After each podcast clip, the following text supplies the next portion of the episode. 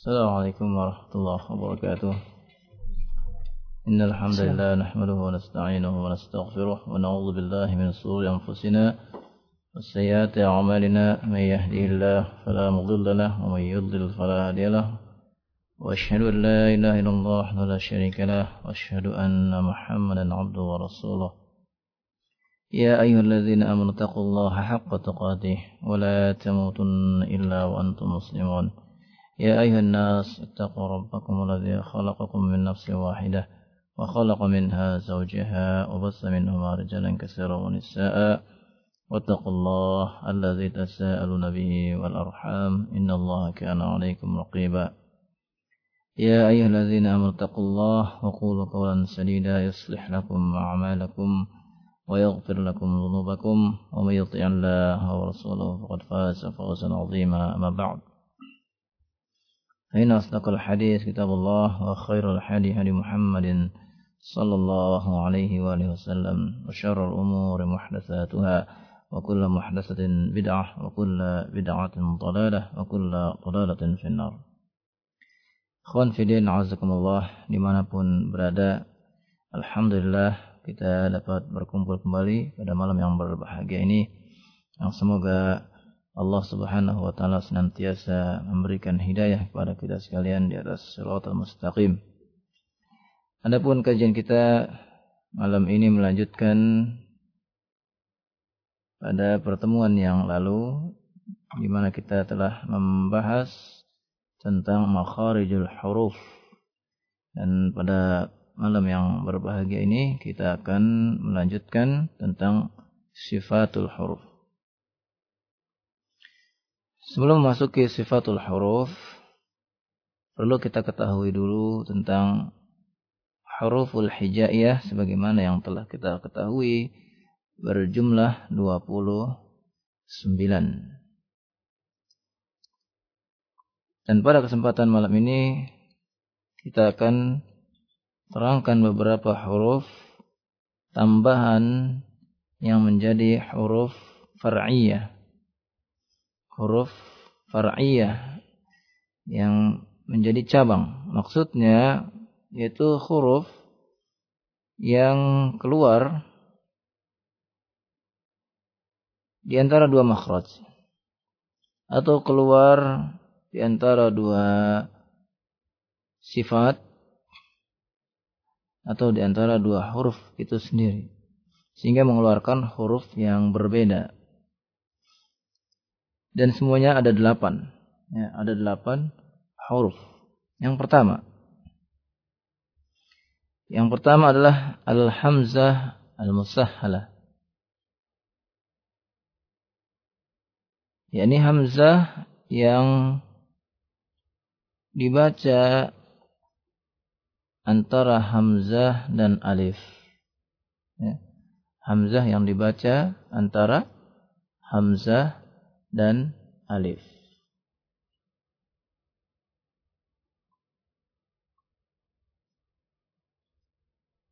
Di dalam riwayat Hafiz an Asim ada ayat yang dibaca dengan musahhala yaitu di surat Al-Fusilat surat Fusilat surat ke 41 ya. Ayat yang ke 44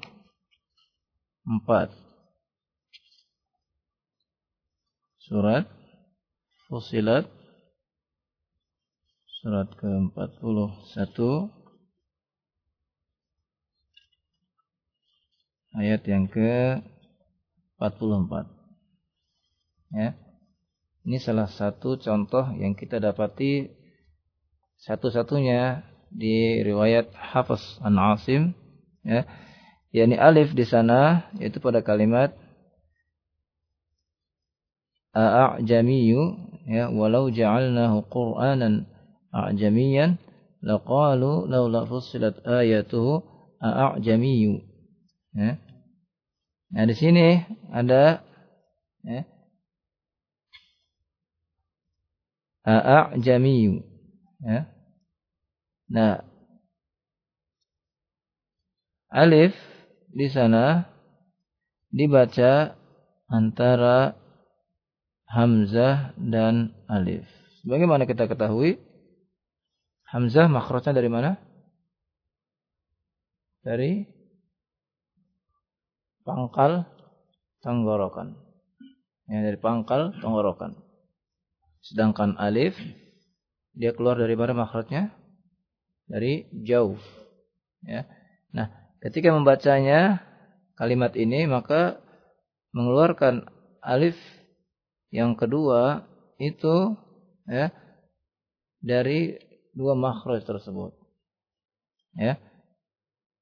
Sehingga ya, antara keduanya tidak hamzah dan tidak juga alif antara keduanya. Nah, inilah yang dimaksud berarti keluar huruf yang yang lain. Nah, ini yang disebut huruf yang cabang. Ya, far'iyah. Sehingga dibaca a'jamiyyu wa arabi. Ya. ya. Siapa yang mau membacakan contohnya? Coba. Siapa namanya kamu? Iya, silakan baca ayat surat Fusilat ya, ayat ke-44.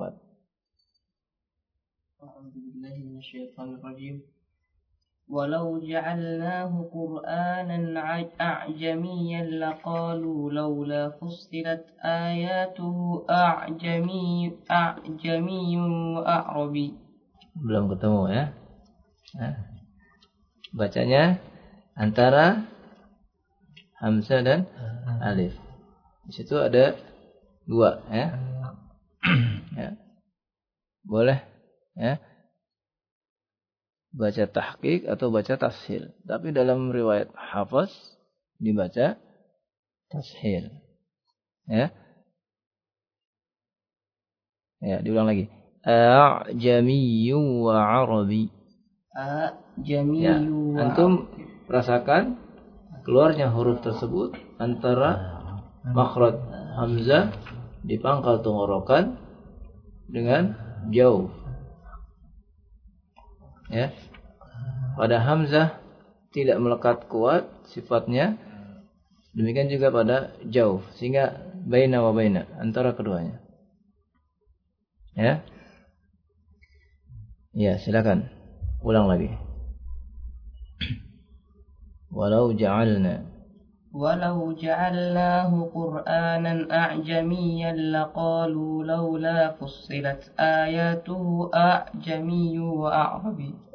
Maka, eh, wakaf terlebih dahulu ya.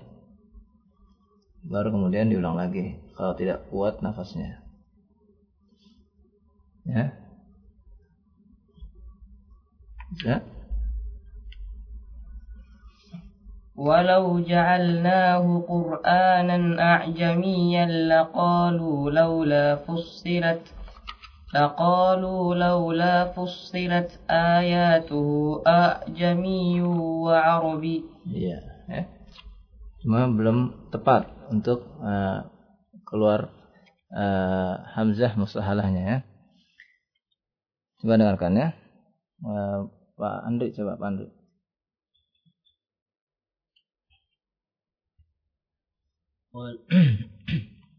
ولو جعلناه قرآنا أعجميا لقالوا لو فصلت لولا فصلت. ولو جعلناه قرآنا أعجميا لقالوا لولا فصلت آياته. لولا فصلت آياته. لولا فصل لولا فصل لولا فصلت آياته أعجمي وعربي وعربي وعربي Lepas ya. Ya, ya, dengarkan ya. ولو جعلناه قرآنا أعجميا لقالوا لولا فصلت آياته أعجمي وعربي أعجمي وعربي. coba ولو جعلناه قرآنا أعجميا لقالوا لولا فصلت آياته. أعجمي وعربي. أعجمي أعجمي. أعجمي وعربي. أعجمي. أعجمي وعربي ya, ya. Ini yang pertama dari huruf far'iyah yaitu hamzah al musahhalah ya. Ada lagi dalam riwayat yang lain ya seperti dibaca ainnaka ainnaka ya, tapi di, di riwayat hafaz tidak ada aunzila aunzila ya yang kedua alif mumalah. Alif mumalah. yakni alif yang dibaca condong kepada huruf ya. Dan dia pada hafaz ada satu di surat Hud. Ya, surat Hud. Surat yang ke 11.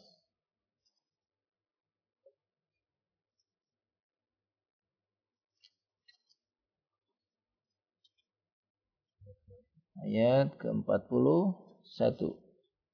Ya. Pada kalimat majraha.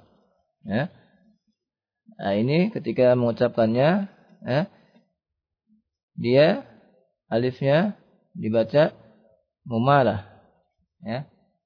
yakni condong kepada huruf ya sehingga miring ya sehingga dibaca majreha Ya. Surat Hud ayat ke 41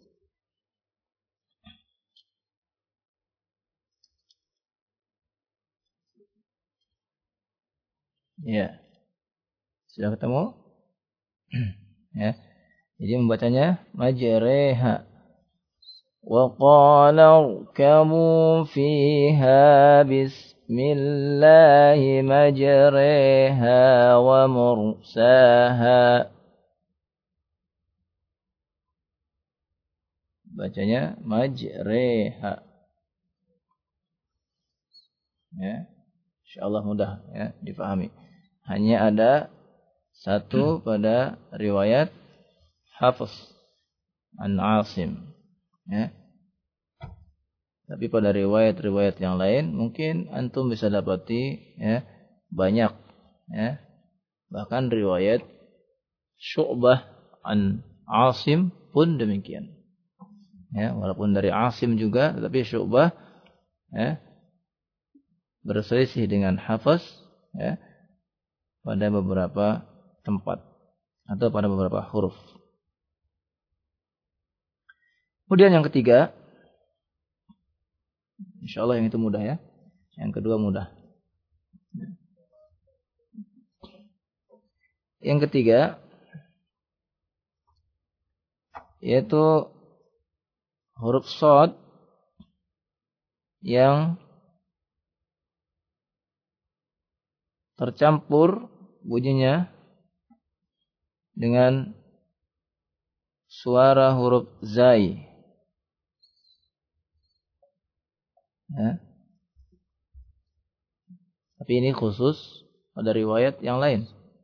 Tidak terdapat pada riwayat Hafaz an Asim. Ya. Nah, sebagai pengetahuan buat kita bahwa huruf shad ini ya, adalah menjadi huruf yang far'i apabila eh, pada riwayat-riwayat yang lain yang ini bercampur dengan suara huruf zai. Seperti pada kalimat sirata ya. Di surat Al Al-Fatihah. Pada kalimat sirata di surat Al-Fatihah. Ya.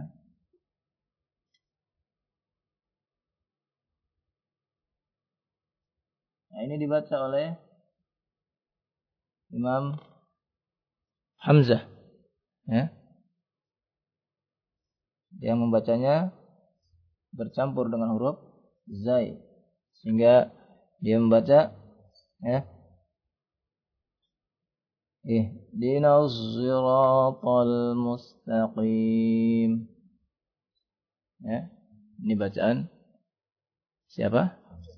Hamzah. Qiraah Hamzah. Dan hafaz tidak tidak ada. Ya. Tapi ini sebagai pengetahuan kita bahwa salah satu huruf yang cabang yaitu huruf apa? Huruf shad. Tidak. Kemudian ada lagi huruf ya. ya. Huruf ya bercampur dengan huruf ya, wow dalam pengucapannya. Ya. Ini pun tidak terdapat di riwayat kita, riwayat Hafiz An-Nasim tidak terdapat.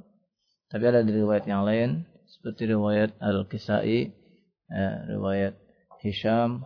Ya. Ini dia membaca, ya, misalnya qila, ya, dia bercampur huruf ya ini, ya, antara ya, uh, wow bercampur dengan wow. Jadi bacanya qila. Ya, agak sulit memang mengucapannya ya. Nah, ini nanti bagi yang membaca dengan riwayat uh, kisai. Ya.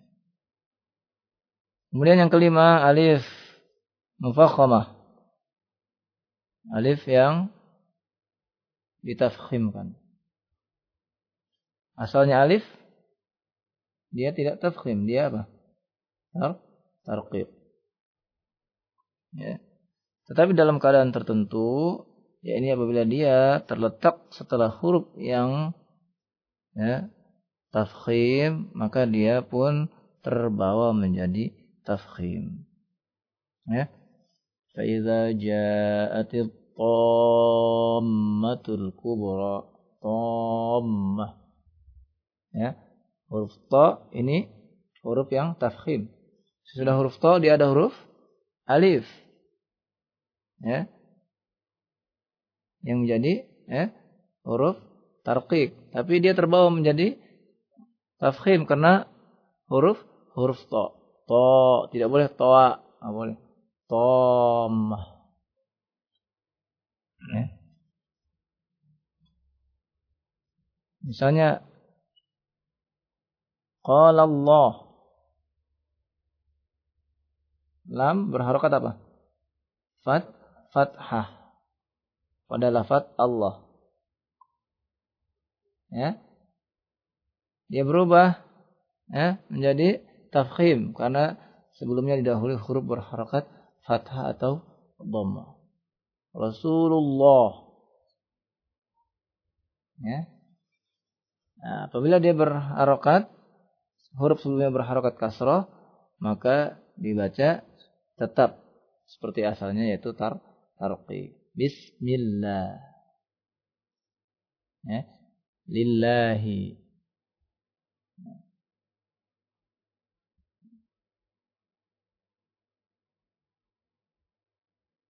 Karena itu terkadang ada yang membaca karena dia ya membaca berkonsentrasi pada huruf yang di depannya huruf isti'la ya, sehingga huruf sebelumnya yang huruf bukan istilah atau istifal dia baca dengan istilah juga. Misalnya fawasat nabihi jam'a.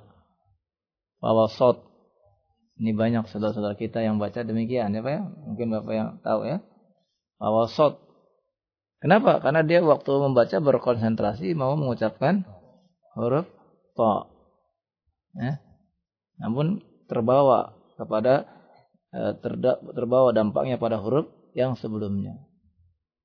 Ya. Dan banyak yang sudah hafal demikian dari gurunya demikian. Akhirnya ini kesalahan yang fatal. Ya. Seharusnya fawasato ya, tapi karena terbiasa ya, sehingga ya, awasot itu salah satu contoh. Kemudian yang berikutnya yang ketujuh An-Nunul Mukhfah.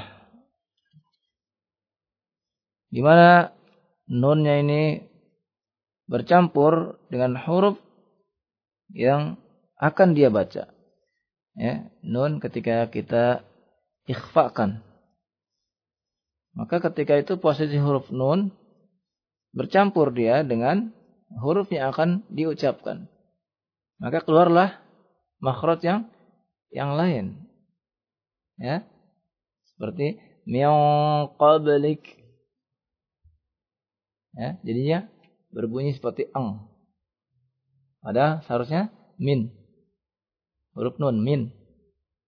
Ya. Tapi karena ya, terpengaruh dengan ikhfa maka dia mengeluarkan ya suara yang lain yang dikatakan para ulama ini berarti ya, huruf cabang. Ya, karena asalnya nggak ada, ang asalnya nggak ada. Ya, ang asalnya nggak ada.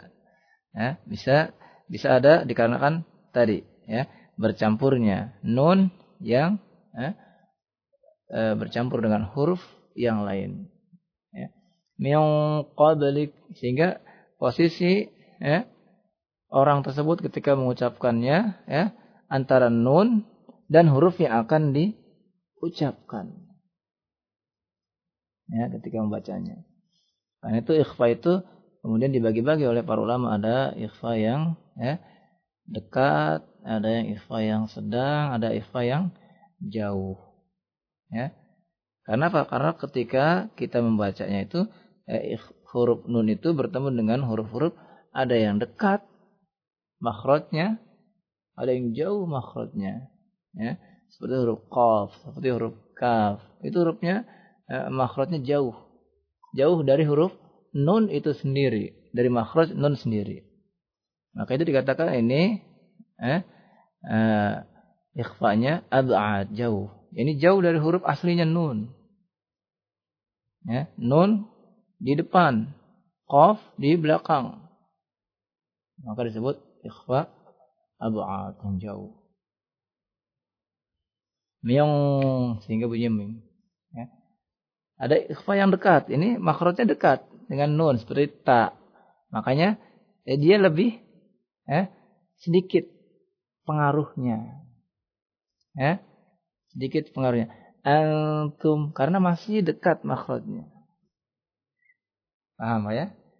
Dengan qaf di belakang, di pangkal lisan. Ya, sehingga butuh eh butuh apa? suatu usaha. Ya. Sehingga melahirkan, mengeluarkan eh, suara yang yang lain dari huruf sebenarnya, dari nun yang sebenarnya. Demikian yang kedelapan, al-mimul mukhfah. Mim yang juga diikhfakan. Ya, hampir sama dengan huruf nun. Ya. Mim yang diikhfakan ada berapa? Ikhfa syafawi. Ada berapa? Ikhfa syafawi ada berapa? Ada satu. Itu bertemu dengan huruf ba. Iya, ya. Oleh karena itu suaranya masing-masing berkurang. Ya. Tidak mim sempurna, tidak bak sempurna. Gitu. Masing karena saling menarik, saling bertemu. Ya. Misalnya kalimat ambihum bi asma'im. Mim bertemu dengan ba. Anbi'hu bi asma'ihim. Ya. Posisi bibir kita tidak terlalu merapat sehingga kalau rapat berbunyi mim. Ya. Tidak juga ya, kita cepatkan sehingga berbentuk huruf ba. Tapi sedikit dikasih eh, apa namanya udara ya. Ambihum bi asmaihim. Ya. nah keluarlah dari situ ya, ya cabang lagi huruf yang yang cabang. Ini tidak mim dan tidak ba baina baina nah, itulah delapan ya, delapan huruf far'iyah huruf yang cabang yang perlu kita ketahui.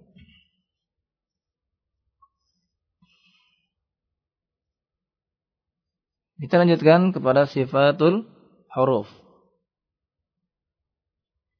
Ya, pelajaran ya, sifatul huruf. Ya. Kita belum belajar tentang ahkam. Ahkam nun, watanwin, ahkamul mim, ya, juga ahkamul mudud kita belum belum belajar itu ya. ya kita mempelajari ya hurufnya terlebih dahulu. Yang dimaksud dengan sifat ya yaitu yang mensifati sesuatu. Ya. Seperti merah, hitam, itu adalah bagian dari sifat. Ya. Dan yang dimaksud di sini sifat secara ya, hissiyah. Ya. Secara hissi. Atau maknawi. Bukan sifat yang ya, seperti merah tadi, bukan. Sifat, tapi bukan itu yang maksud. Tapi ini kita hissiyah atau maknawiyah secara makna. Kemudian secara istilah yaitu tata cara yang tepat dalam mengucapkan huruf seperti jahar, isti'la, qalqalah dan sifat-sifat yang lain. Apa faedahnya kita mempelajari sifat-sifat huruf ini? Yang pertama, untuk membedakan huruf-huruf yang terkumpul dalam satu makhraj. Ya, misalnya ya, huruf kha dengan ghain. Dia ada pada satu makhraj. Di mana dia letaknya? Ya. Di tenggorokan yang paling dekat. Ya. Adenal halq. Tenggorokan yang paling dekat. Ya. Walaupun dia satu makhraj, ya, tapi beda sifat. Nah, Ya, di sinilah ya, fungsinya belajar sifat untuk membedakannya. Walaupun dia satu tempat keluarnya, tapi ada perbedaan pada sifat. Yang kedua, untuk mengetahui antara huruf-huruf mana yang huruf kuat dan mana yang huruf lemah. Ya. Kita ketahui ini huruf yang kuat, ini huruf yang lemah. Untuk apa? Ya, Nanti ada huruf yang diidghamkan. Ya. Nah, huruf yang diidghamkan itu ya, nanti ada kaidahnya. Kenapa ini diidghamkan? Karena yang satu lemah. Kalau ini nggak bisa, kenapa? Ini kuat. Ini lemah. Nggak bisa diidghamkan kepada yang kuat. Ya. Gitu. Huruf nun. Ketika berhadapan dengan huruf Ya. Huruf ya. Ini sifatnya apa? Eh? Lin, lemah dia. Ya. Nah, itu dimasukkan huruf nun, kalah dia. Dari situ nanti kita bisa mengetahui. Ya. Kenapa ini diidghamkan? Ya, karena dia kuat. Hurufnya kuat. Yang ini lemah.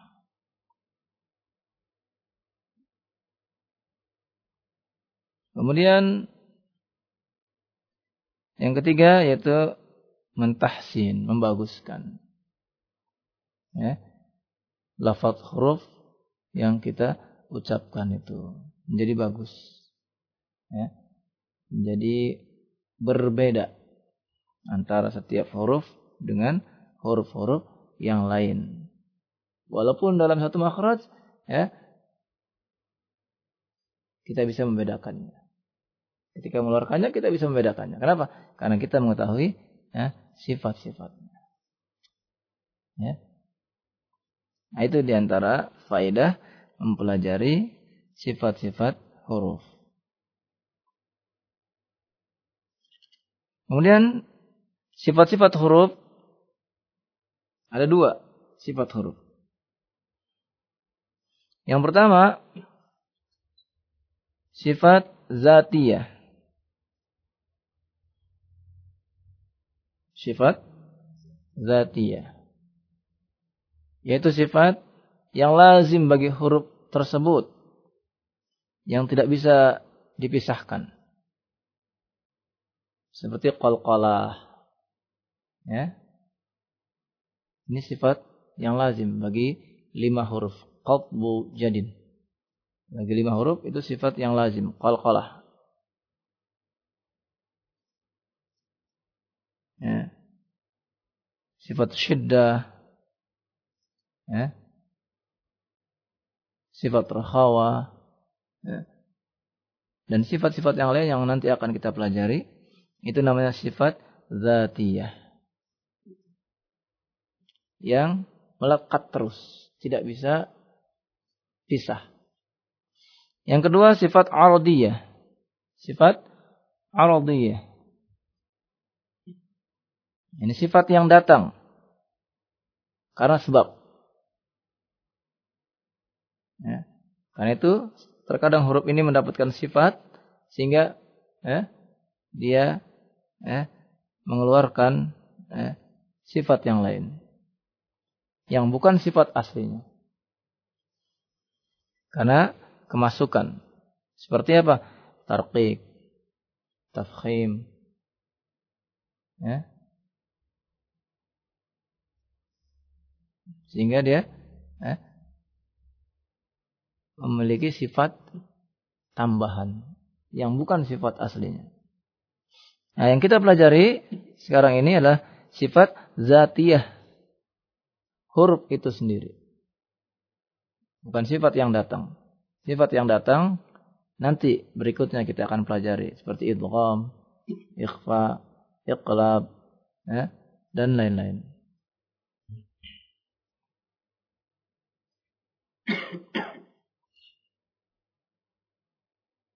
Baik, kita lanjutkan. Sifat zatiyah. Ya. Sifat zatiyah ini terbagi menjadi dua. Yang pertama,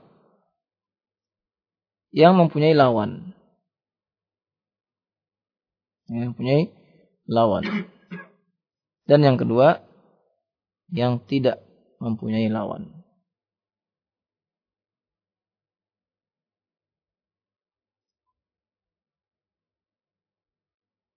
Sifat yang mempunyai lawan ada lima sifat.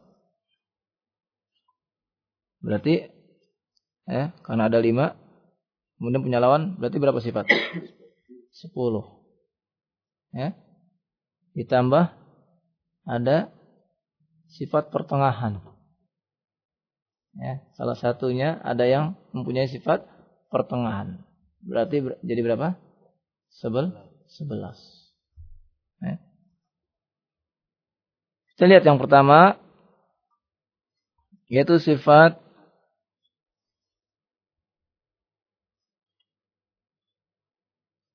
hamas. Ya, yang pertama sifat hamas. Lawannya jahar. Ini harus dihafal. Ya, harus di, dihafal. Hamas lawannya jahar. Kalau ditanya apa artinya hamas? Artinya hamas lawannya jahar. Ya. Nah, jahar apa artinya jahar? Lawannya ya, secara eh, logo hamas itu artinya apa? Eh? Eh, suara kecil, bisikan. Allah berfirman di surat Toha ayat ke-108, "Fala tasma'u illa hamsa." Nanti pada yaumil qiyamah semua orang tidak ada yang bicara. Eh? Illa hamsa. Ya. Sedangkan jahar yaitu eh, ibhar. Ya. I'lan, terang-terangan. Maka itu lawannya hamas. Kemudian huruf yang antum hafalkan yaitu huruf hamas. Ya. Karena lebih sedikit hamas itu. Sehingga mudah dihafalkan. Berarti sisanya jahar. Begitu cara menghafalnya ya. Yang sedikit saja yang dihafal, sisanya udah. Itu berarti jahar. Ya. Apa huruf hamas? Dikumpulkan dalam dalam sebuah kalimat fahathuhu sahsun sakata. Berarti ada berapa huruf? Sepuluh. Ya. Fa, ha, ta, ha. Ya. Kemudian sin, kho, sod. Sin, ya. Yang tadi sin besar ya. Sin, kaf dan Ya. Ini mudah, dihafalkan yang 10 ini.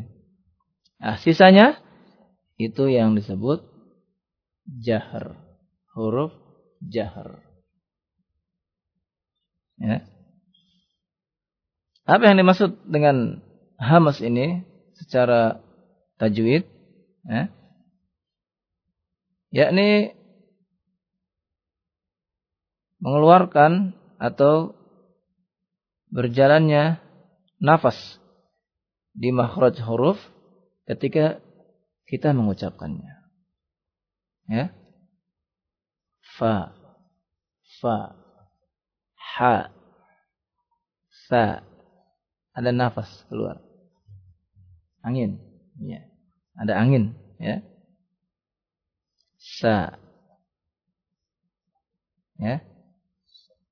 Sedangkan eh, jahar ini tertahannya aliran udara itu ketika mengucapkan huruf tersebut. Ya. A ya. Ba tertahan. Ya. O ya. Yang selain 10 itu tertahan. Paham ya bedanya? Ya. Yang penting paham dulu, nanti tinggal tinggal dihafalkan. Nah, pertanyaan timbul, kenapa yang ini ya, keluar nafas, yang ini kok tertahan? Ya. Karena yang satu ya, lemah ya, dalam bersandar kepada makhrajnya, yang satu sangat kuat bersandar kepada makhraj tersebut. Mana yang lemah? Hamas. Mana yang kuat? Jahar. Ya. Sehingga lemah, maka lepas e, nafas itu. Ya. Misalnya huruf fa kita ucapkan af lepas. Lepas anginnya. Kenapa? Lemah sandaran dia terhadap eh, makhrajnya. Sedangkan huruf yang jahar ya itu kuat. Ya. Misalnya huruf ba, ab. Sudah selesai. Tidak keluar dia nafas. Ya. Apa? Selesai ad al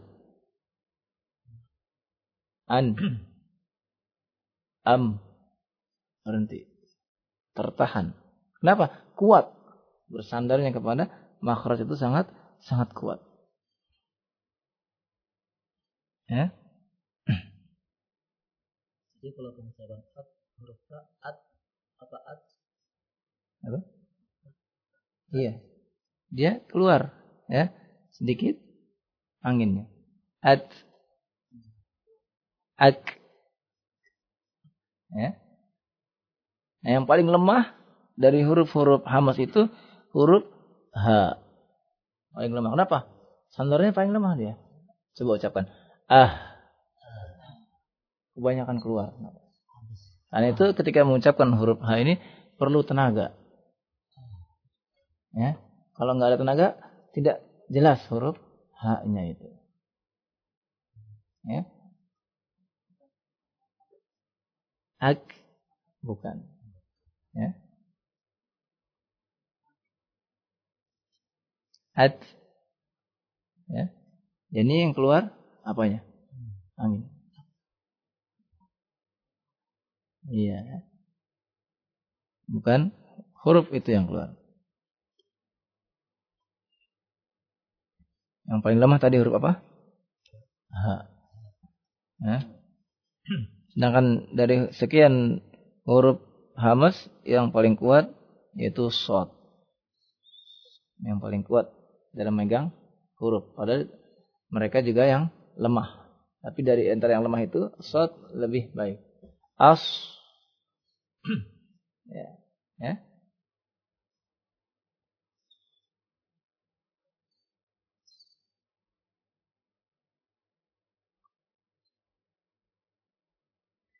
Sedangkan huruf jahar yang paling kuat yaitu huruf to, kemudian dal. Ya. Huruf to dan huruf dal.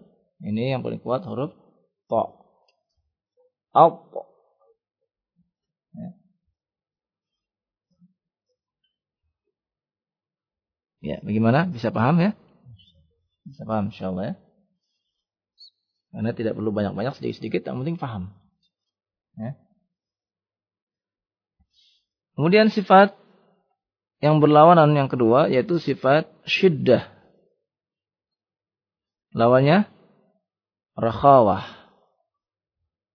Ya. Syiddah lawannya rakhawah. Apa itu syiddah? Syiddah ini kuwah, kuat. Sedangkan rakhawah lin. Ya. Lunak. Ya. Secara ilmu tajwid ya, yang dimaksud dengan syiddah itu tertahannya aliran suara. Oh tadi apa? Napasnya. Ini suara. Ya, ketika mengucapkan huruf tersebut. Ya. Sedangkan rakhawah secara ilmu tajwid yaitu ya, mengalirnya suara ketika diucapkan huruf tersebut. Ya. Suara. Oh tadi apa? Eh, nafas. Anginnya. Ya. Huruf yang harus dihafal yang sedikit yaitu syiddah. Apa? Ya. Ajidu qatin bakat. Ya. Alif, jim, dal, qaf, ta, ba, kaf dan ta. Ya. Ada delapan huruf. Sisanya ya, rakhawah. Tetapi rakhawah ya, mempunyai teman yakni teman antara rakhawah dengan syiddah yang dinamakan tawassut. Ya, tawas tawassut. Tawassut itu pertengahan. Pertengahan antara rakhawah dengan syiddah. Tapi dia lebih condong kepada rakhawah. Hurufnya ada lima. Ya. Yang perlu dihafal. Lin Umar. Lin Umar. Ya. Lam, nun, ain, mim, ra. Ya, lima huruf ini yang dihafal.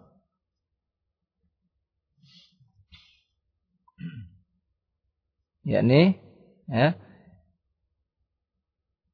huruf ini tidak ya, sempurna ya, menahan suaranya ya, dan juga tidak sempurna menahan ya, aliran ya, suaranya. Sebagian ya, keluar suaranya, sebagian tertahan. Ya. Seperti huruf jim. Ya. Ini dinamakan syiddah. Karena ya, suaranya tertahan. Aj tertahan. Karena kuat dia memegang ya, sandarannya kepada makhraj. Aj. Ya. Aq. Ya, suaranya tertahan. Ya. Karena itu dia ya, huruf qaf ya, dia syiddah ya. Tetapi ya, masuk tidak dia ke dalam jahar? Masuk tidak? Hah? Masuk. Ya. Dia syiddah dan dia jahar.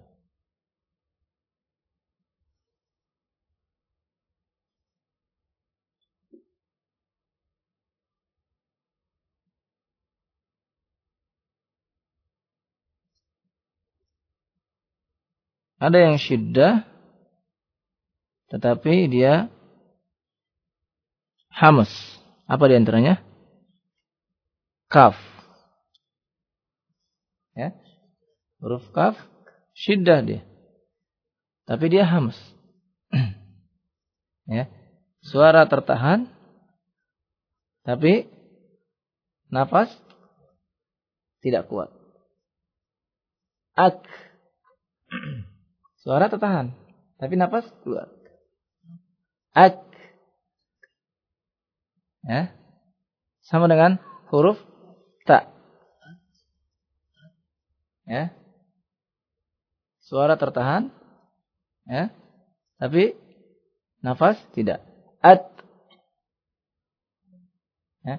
Karena itu ya tidak boleh dia mengucapkannya at. Ak. Allahu akbar. Nah, ini. Berarti dia ya, seperti meng mengkolak-kolakkan. Hurufnya tertahan, suara huruf tertahan. Tapi yang terlepas suara eh, yang terlepas adalah nafasnya. Ak at ya. Jadi ada yang syiddah ya tapi dia hamus.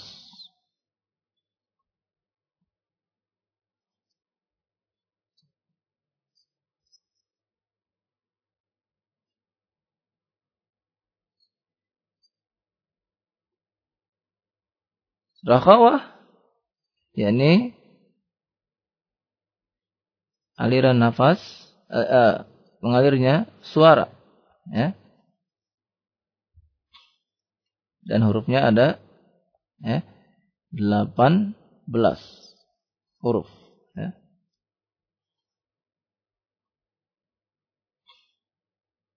Saya kira cukup dulu ya. Ini saja nanti mungkin antum pusing nanti.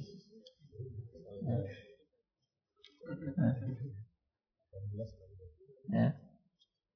Apalagi kalau ada huruf yang syadid mahmus ya.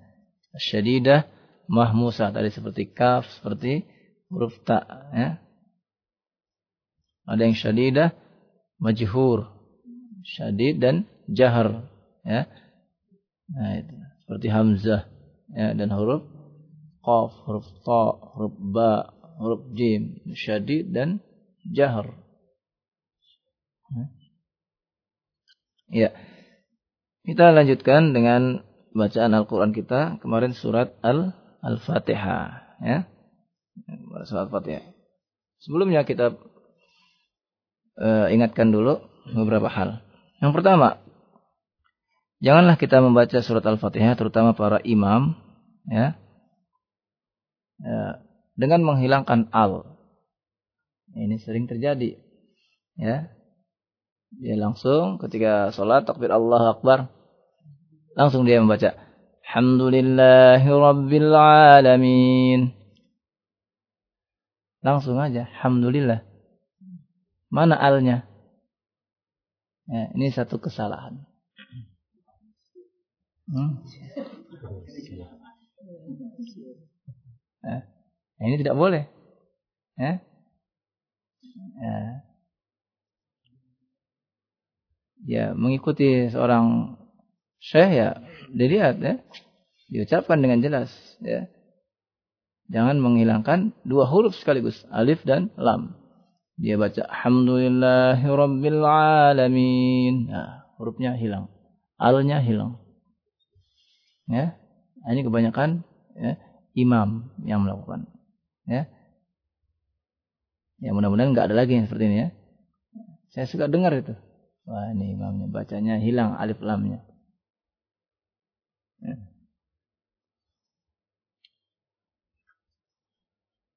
Kemudian biasanya orang Jawa nih ya, kita orang Jawa ya. Dia mengucapkan ngalamin. Ya.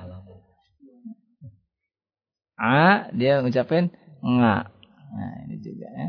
Ini keliru. Ya. Tadi huruf nga ada tidak? Ada, tapi dia cabang. Ya. Karena apa? Mukhfa. Ya. Gitu ya. Ada tapi cabang, bukan di sini letaknya. Ya. Ada lagi yang baca al-kamdu. Ya. Ya, Mungkin yang tahu ya di Cirebon atau di mana ya. Atau alhamdu pakai kha. Ada lagi dengan ha alhamdu. Ya. Ini juga eh, suatu kesalahan-kesalahan dalam membaca surat Al-Fatihah. Kalau ya. alhamdulillah kha artinya apa? Ya. Tanya yang baca itu artinya apa? Kha apa? Hah? Ya. Padam, mungkin artinya padam. Ya.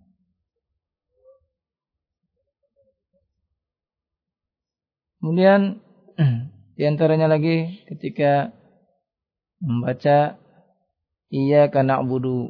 Nah, ini suka ada yang baca panjang. Seperti tadi ya, ada ikhwan yang baca panjang ya. Iya karena budu wa iya. Nah, dibaca pan panjang. Ada lagi yang baca dengan tidak bertasdid. Ya. Iyyaka ya. Iyyaka na'budu wa iyyaka tidak bertasdid. Ini tidak boleh. Kemudian ada yang ya. Soroto. Mungkin saking cepatnya dia baca ya, sehingga baca bukan sirata tapi soroto.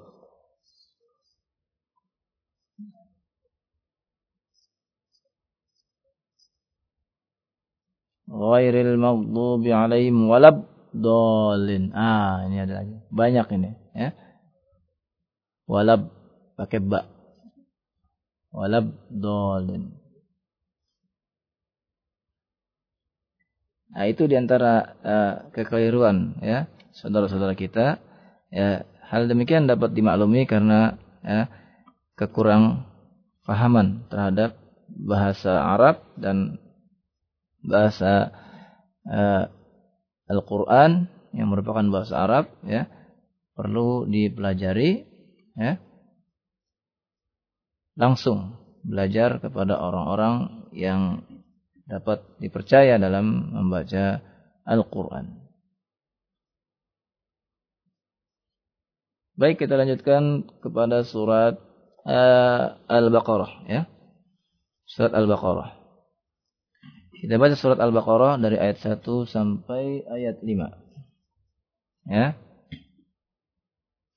S- eh, silakan yang mau baca. Eh, mungkin Bapak baca salam. Pak. أعوذ بالله من الشيطان الرجيم بسم الله الرحمن الرحيم ألف لام ميم. ذلك الكتاب لا ريب فيه. هدى للمتقين. الذين يؤمنون بالغيب ويقيمون الصلاة. ويقيمون الصلاة ومما رزقناهم ينفقون Huruf qaf ya. Huruf qafnya ينفقون Razaq. ومما رزقناهم ينفقون Ya, cukup nggak Pak? Mungkin ada eh, pemirsa yang mau membaca silakan ya se- sambil menunggu apa telepon berderingan. Ya silakan baca. أعوذ بالله من الشيطان الرجيم Iya, berawal. ألف لام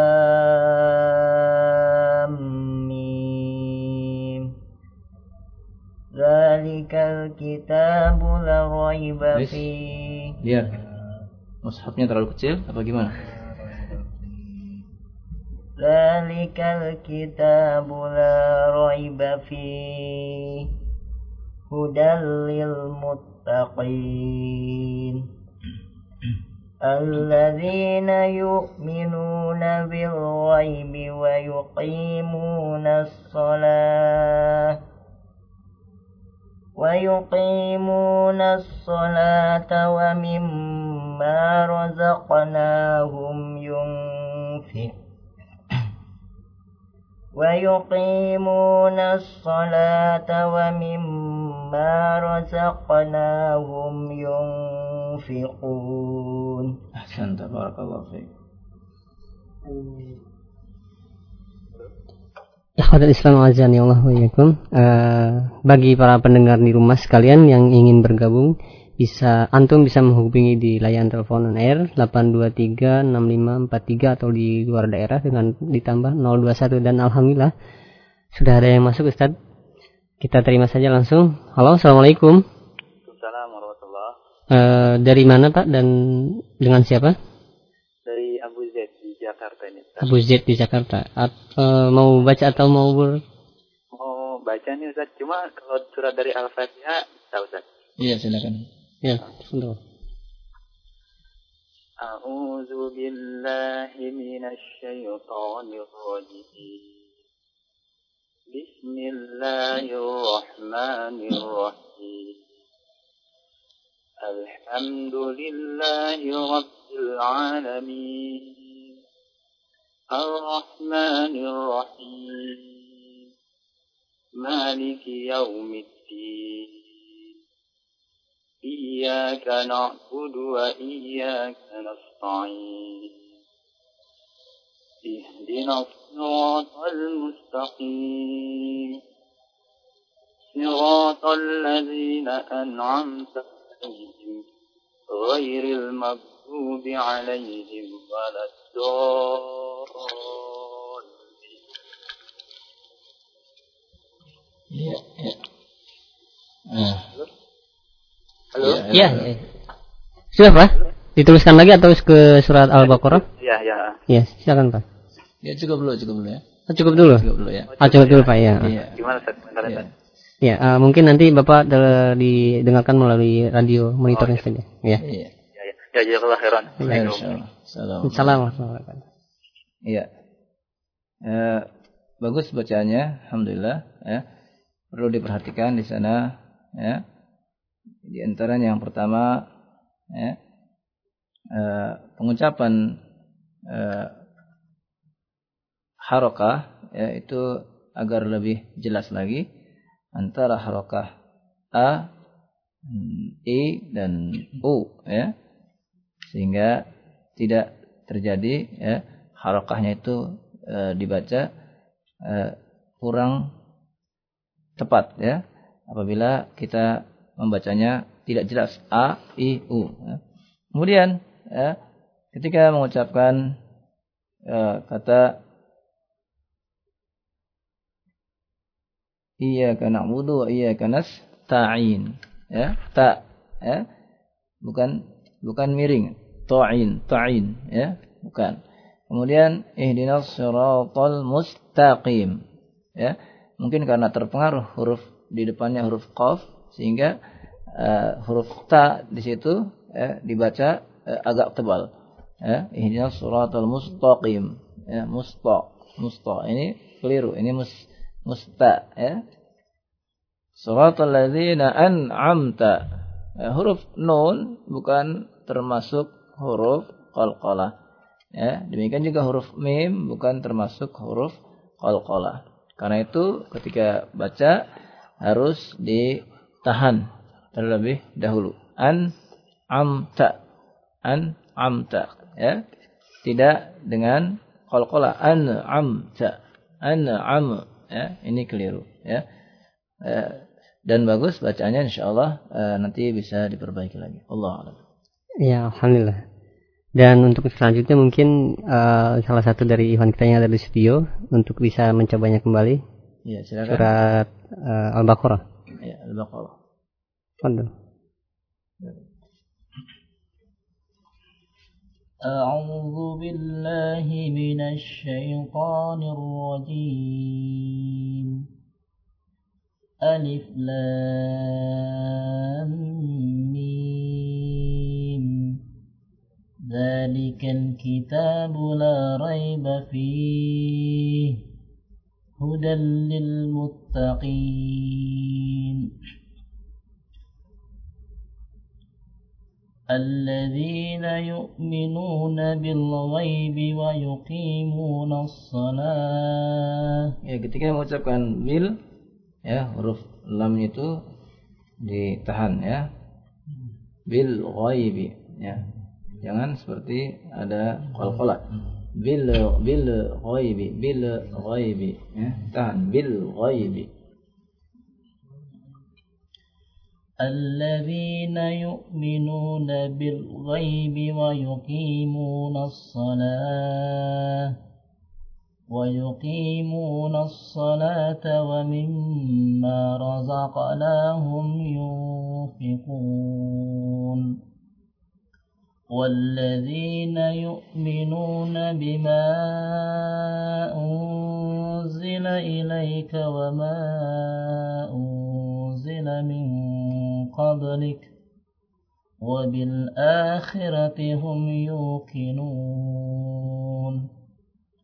أولئك على هدى من ربهم وأولئك هم المفلحون ahsan barakallahu fiik Alhamdulillah. Mungkin uh, untuk selanjutnya kita rehat dulu sejenak Ustadz ya sebelum kita meneruskan pembacaan surat Al-Baqarah dan pendengar di rumah sekalian antum jika ingin bergabung bisa menghubungi layanan telepon on air di 0218236543 atau ada beberapa pertanyaan yang ingin antum layankan bisa dilayangkan ke nomor 021703 707 36543 ulangi 0217073543 dan untuk selanjutnya kita rehat dulu sejenak untuk yang satu ini أعوذ بالله من الشيطان الرجيم. بسم الله الرحمن الرحيم.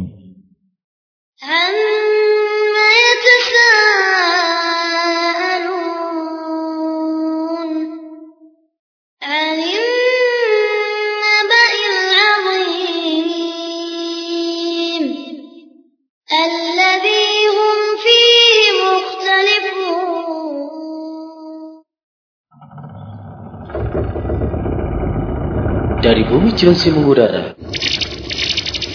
Roja, Roja, Roja, Radio Dakwah Alusunnah wal Jamaah.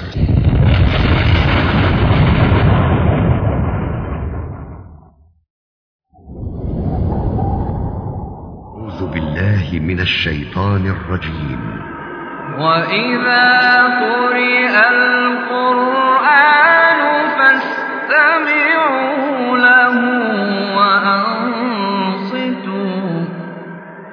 وأنصتوا لعلكم ترحمون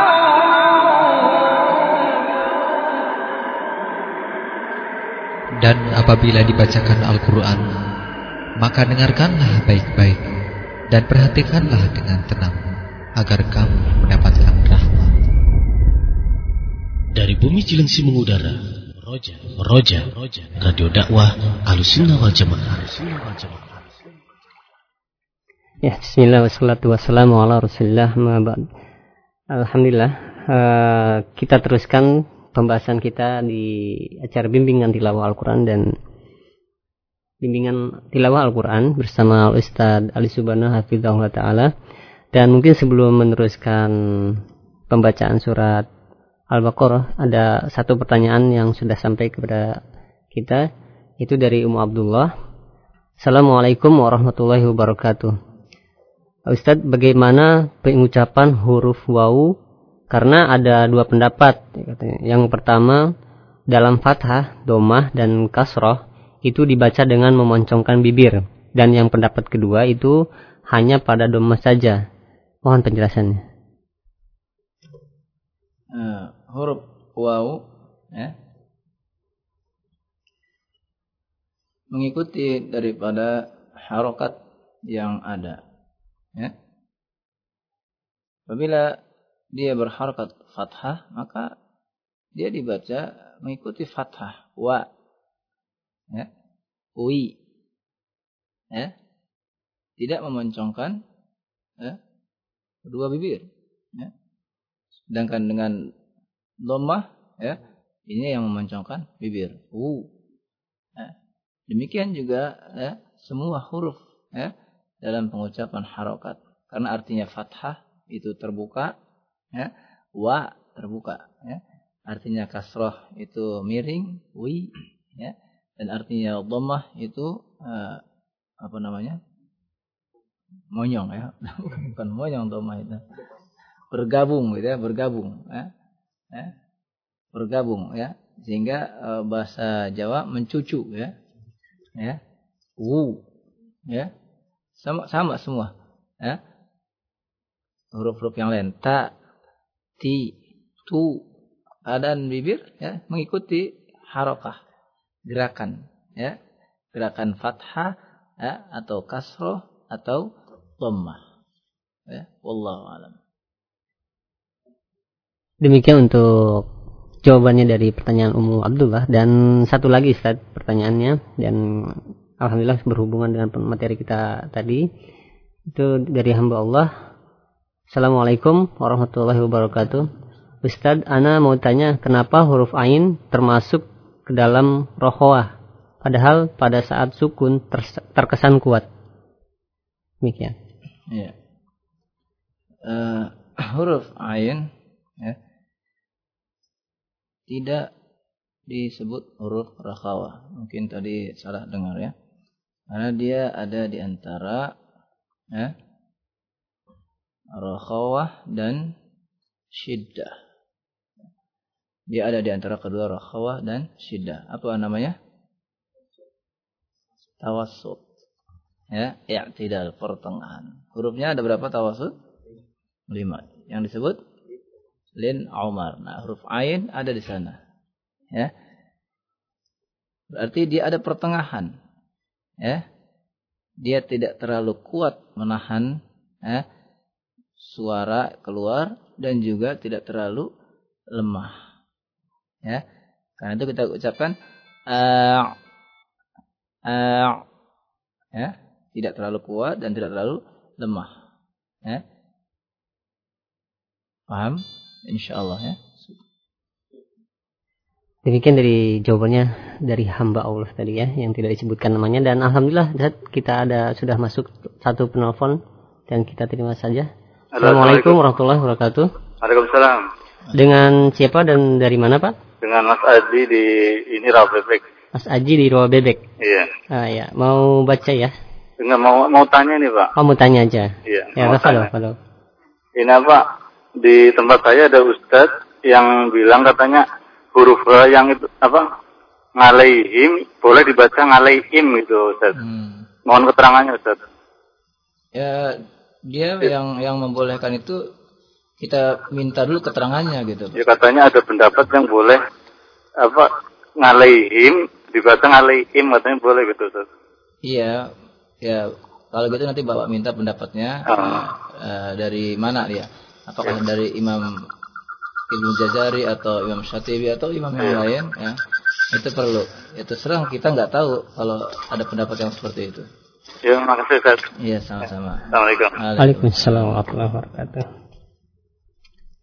Dan selanjutnya kita baca saja Ya, dari lagi. salah satu ikhwan. Sekali lagi ya, karena waktu sudah semakin Malam. larut malam. Ah, ya. iya. Ya, silakan eh, baca ayat 1 sampai dengan ayat ayat 3 ya. A'udzu billahi rajim. Bismillahirrahmanirrahim. Alif lam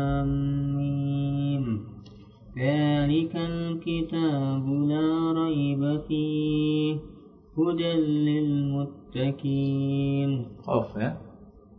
هدى للمتقين Kurang ya. Di mana letaknya huruf qaf? Pangkal lisan ya. هدى للمتقين Ya, Terus الذين يؤمنون بالغيب ويقيمون الصلاة ومما رزقناهم ينفقون أحسن بارك الله فيك eh, Alhamdulillah acara kita sudah sampai penghujung atau mungkin sudah di setop aja. Ada lagi yang SMS? Banyak sudah masuk sudah sebenarnya. Satu lagi saja. Satu lagi SMS ya. Ya, eh, ada pertanyaan? Wah, sebentar ini tidak berhubungan.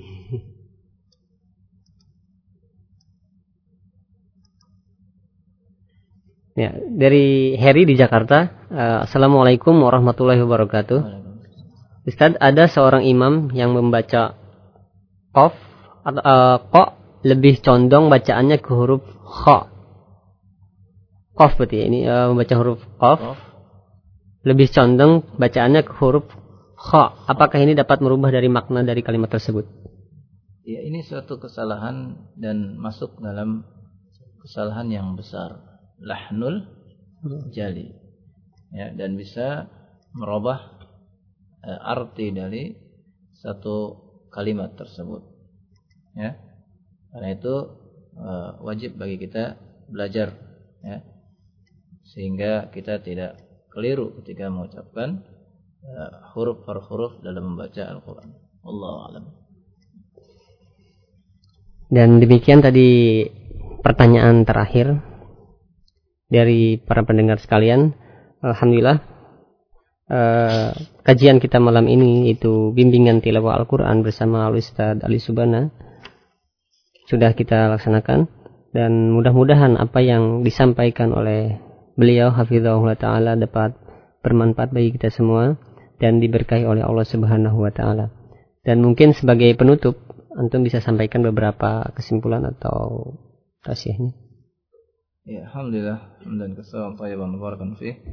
Kama yuhibbu rabbuna Allah, syahadu la ilaha illallah, syahadu anna Muhammadan abduhu wa rasuluh. Amma ba'du. Ikhwan fi din, azakumullah di mana pun berada. Kewajiban kita adalah bersyukur kepada Allah Subhanahu wa taala atas nikmat yang Allah berikan kepada kita sekalian khususnya di negeri kita ini.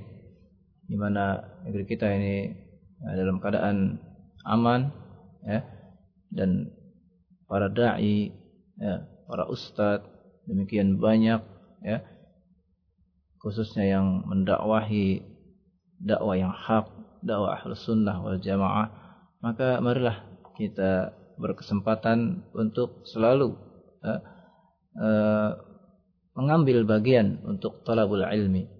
Ya. Kalau kita perhatikan negeri-negeri yang lain, terutama negeri Palestina saat ini, ya, bagaimana mereka bisa mau menuntut ilmu, sedangkan negeri seperti itu porak-poranda. Mereka uh, memikirkan kematian yang ada di hadapan mereka. Ya, kita alhamdulillah ya, masih diberikan oleh Allah keamanan di negeri kita ini. Maka itu kesempatan bagi kita ya, untuk sama-sama ya, sesegera mungkin tolabul ilmi untuk kehidupan kita di dunia dan akhirat kita. Dan semoga Allah Subhanahu wa taala tetap menjaga keamanan di negeri kita ini, negeri muslimin Indonesia ini ya sampai ya Allah Subhanahu wa taala yang menentukannya. Allah alam bisawab. Subhanakallahumma wa bihamdika wa asyhadu an la ilaha illa anta astaghfiruka wa atubu ilaik. Wassalamualaikum warahmatullahi wabarakatuh. Waalaikumsalam.